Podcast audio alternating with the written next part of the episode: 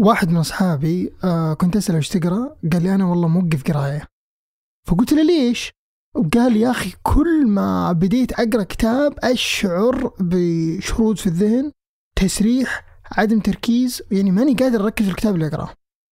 فاقترحت عليه آه شيئين. الشيء الأول إنه قبل ما يبدأ قراءة يصوم عن ال social media أو وسائل التواصل الاجتماعي جزء من الوقت. يعني على الأقل نص ساعة كذا ليش؟ لأن تويتر وسناب وإنستغرام تعطيك معلومات تفوق يعني العقل البشري. يعني تقرأ خلينا نقول مية معلومة في وقت قصير جدا.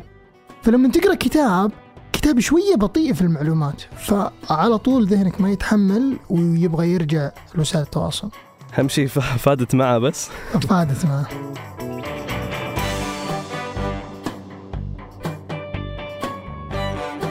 هذا بودكاست الفجر من ثمانية بودكاست فجر كل يوم. نسرد لكم فيه سياق الأخبار اللي تهمكم. معكم أنا عبد الغامدي. وأنا تركي القحطاني.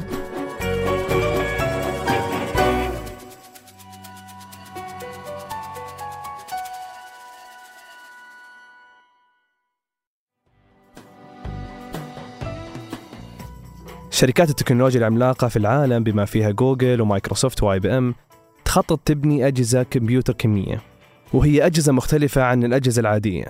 ورغم أنها باقي تستخدم في نطاق محدود وتخضع لتجارب لكن ممكن يكون لها استخدامات على نطاق واسع في المستقبل.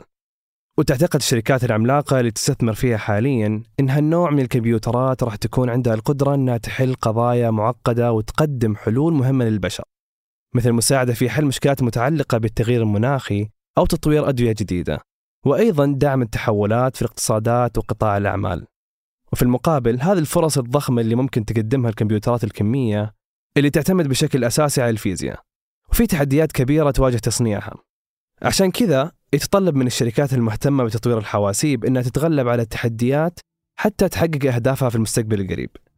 ويركز كثير من المستثمرين اليوم على الكمبيوترات الكمية وبطريقة عملها وكيف ممكن تكون فرصة لثورة تقنية راح تغير المستقبل. لكن قبل ما ندخل في تفاصيل هذه الاستثمارات خلني أشرح لكم عن هذه الكمبيوترات وش تفرق عن الكمبيوترات العادية اللي نستخدمها. الكمبيوترات الكمية هذه أجهزة تعتمد على مبادئ فيزيائية تسمى ميكانيكا الكم وتستخدم هالكمبيوترات الميكانيكا في معالجة البيانات وتمثل هالبيانات برقمين هما واحد وصفر وهي أرقام ثنائية معروفة باسم bit.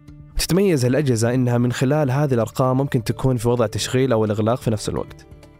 وشفنا في 2019 تطوير كمبيوتر جوجل الكمي بقدرات يوصل حجمها 53 qubit ويتميز الجهاز على قدرته بحل أي مشكلة معقدة خلال ثلاث دقائق.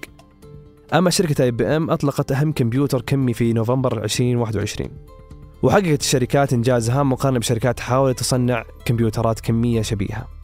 وبحكم أنها صنعت أول جهاز يعتمد إلى ثلاث أرقام وهذا يعني أداء الجهاز أعلى بكثير من بقية الأجهزة. وفي فروق جوهرية بين الكمبيوترات العادية والكمية. فالكمبيوترات الكمية تتميز بقدرتها على زيادة عمليات السرعة الحسابية بشكل يتفوق على قدرات أجهزة الكمبيوتر التقليدية. والفرق الثاني هو أن البيانات في الكمبيوترات التقليدية تقاس بوحدة البت. أما في الكمية فتقاس بالكيوبت. في الكمبيوترات العادية ممكن تخزن المعلومات إما على شكل صفر أو واحد. أما الكمية فتستخدم فيزياء الكم. لحل المشكلات اللي تتجاوز قدرات أجهزة الكمبيوتر التقليدية. وتتميز الكمبيوترات الكمية بقوتها الهائلة في تنفيذ مهام معقدة من الوهلة الأولى راح تحس أن هذه المزايا عادية لكن لو قارنتها بالكمبيوتر العادي فراح نشوف أن الكمبيوترات الكمية ممكن تنجز مهام محاسبية في وقت قصير جدا لكنها ممكن تأخذ ألف سنة بجهاز كمبيوتر عادي. ومن بين المزايا الخاصة بالكمبيوترات الكمية القدرة على تخزين معلومات ضخمة وحمايتها. هالشيء يكون من خلال عمليات تشفير معقدة. وفي ميزة ثانية هي مقاومة الهجمات الإلكترونية من الأجهزة التقليدية. ويمكن بعد قوة المعالجة في الكمبيوترات الكمية إنها تقدم أدوات جديدة لتحليل البيانات واللي ممكن تساعد في تصميم الأدوية بسرعة ودقة أكبر. هذا غير التنبؤ بالآثار المحتملة للتغير المناخي. وهذا خلى فيه فرص واعدة بدأت الشركات تستثمر في تطوير الكمبيوترات الكمية زي ما قلت انت في البداية عن جوجل و IBM وغيرها ففي الفترة من 2017 و 2018 شهد قطاع الكمبيوترات الكمية استثمارات تجاوزت 450 مليون دولار في هذا المجال. ويتوقع بعد أن الاستثمارات راح ترتفع مع الوقت وراح تتجاوز 3 مليار دولار بحلول 2027 وعموما ما راح تأخذ الكمبيوترات الكمية محل الكلاسيكية أو التقليدية لكنها راح تكون امتداد لها ومكمل لخدماتها فحتى لو قدمت الأجهزة الكمية حلول بشكل أفضل راح تظل الناس بحاجة لأجهزة كمبيوتر عادية. ولكن إجمالا راح تكون الكمبيوترات الكمية بعد عقد من الآن تطور ثوري لافت. يتنبأ العلماء بأنها راح تساعد في حل بعض أصعب التحديات اللي تواجه البشرية.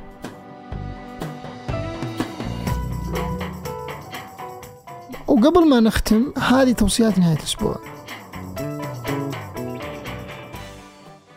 من بودكاست بدون ورق شافت رولا عبد الرحمن حلقة 45 عاما في الأدلة الجنائية. اللي حكى فيها الدكتور فهد الدوسري عن حياته اللي قضاها في التحقيقات الجنائية بالإدارة العامة للتحقيقات بالكويت لمدة 45 سنة. تقول رولا إن آثار اهتمامها في الحلقة تجارب الضيف الطويلة والمختلفة في هالمجال. وآراءه اللي كونها بعد كل المواقف اللي مر فيها خلال عمله. وهالأسبوع بعد زار سعد طحيطح العرض المسرحي ترحال اللي تقدمه وزارة الثقافة في الدرعية إلى الأحد الجاي 19 مارس. وفيه تعرض حكاية شاب سعودي حاول اكتشاف التراث الثقافي والاجتماعي السعودي.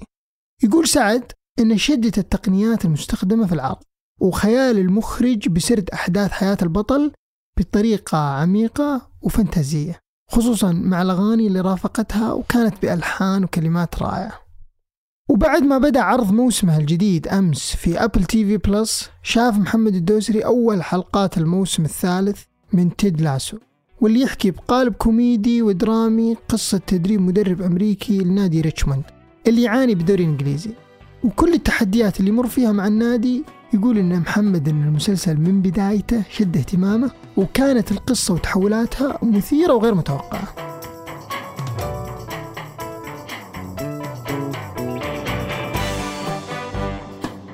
أنتج هذه الحلقة تركي البلوشي وقدمتها أنا عبد الله الغامدي. وأنا تركي القحطاني. وحررها محمد الدوسري. نشوفكم فجر الأحد.